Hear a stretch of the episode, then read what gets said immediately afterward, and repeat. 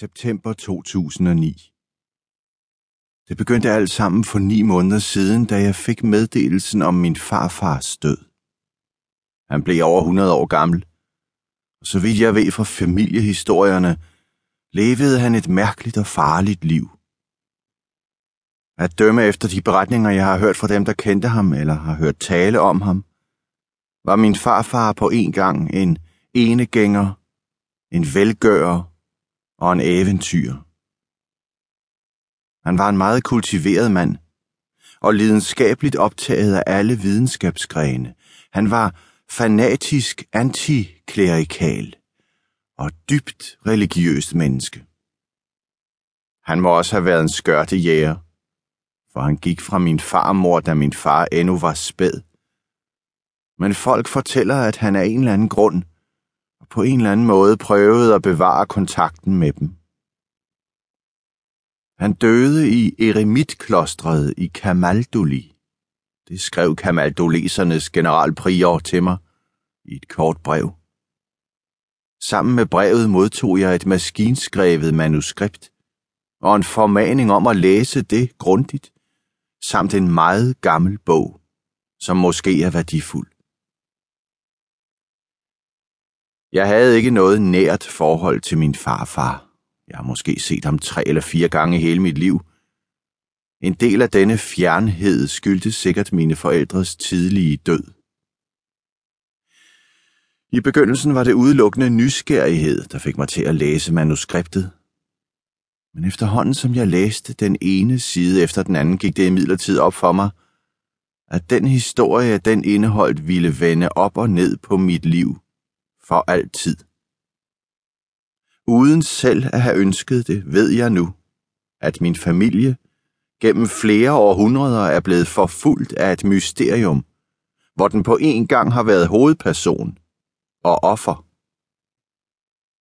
En frygtelig hemmelighed, der vedrører begivenheder langt tilbage i tiden, men som ville kunne få forfærdelige følger, hvis den faldt i de forkerte hænder og blev udnyttet til forbryderiske formål.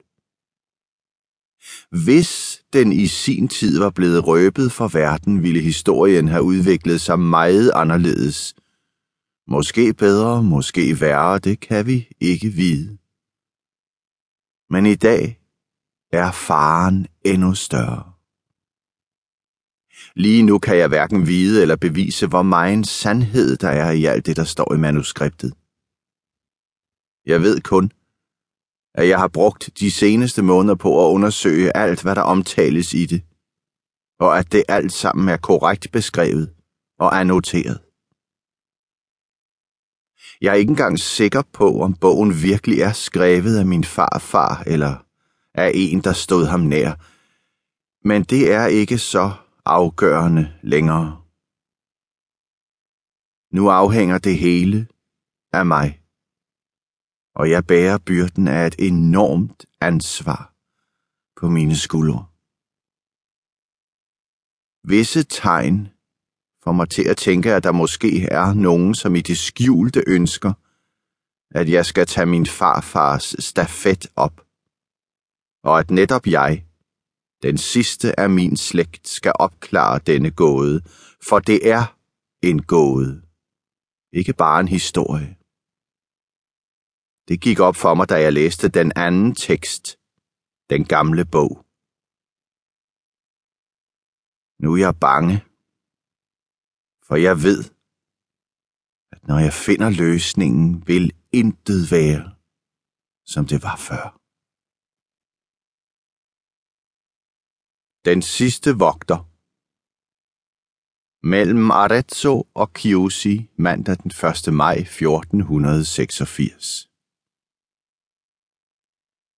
En stor skare bevæbnede mænd kom ridende i hurtigt tempo hen ad Via Cassia, der forbinder Arezzo og Chiusi, gennem Chianadalen. Hestenes pels var blank af sved og strålede uhyggeligt i skæret fra de jernfakler, som rytterne havde i hånden.